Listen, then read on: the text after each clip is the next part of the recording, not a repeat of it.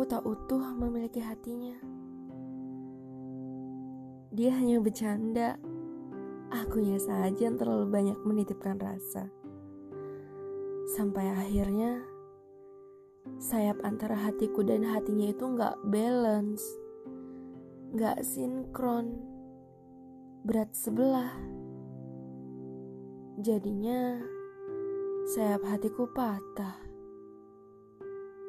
karena terlalu banyak menjadi tempat penitipan rasa. Patah deh. Tapi ya udah, nggak apa-apa. Karena prinsipku gini.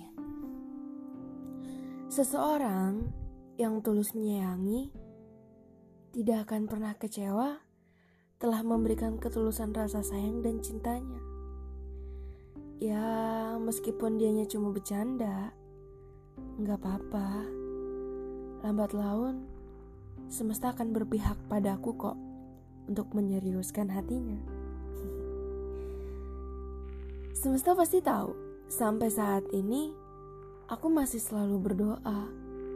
Semoga perasaan yang dia bilang cuma bercanda, dia sampaikan dengan canda juga. Paham gak?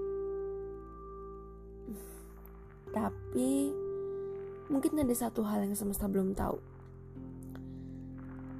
Kalau memang kehadiran dia di duniaku hanya bercanda, nggak apa-apa. Aku nggak kecewa. Kalau memang kehadiran dia di duniaku hanya untuk bercanda atau hanya untuk memberikan pelajaran, ya nggak apa-apa. Karena sudah dititipkan perasaan ini saja, aku sudah merasa sangat bahagia. Semesta, bantu aku boleh?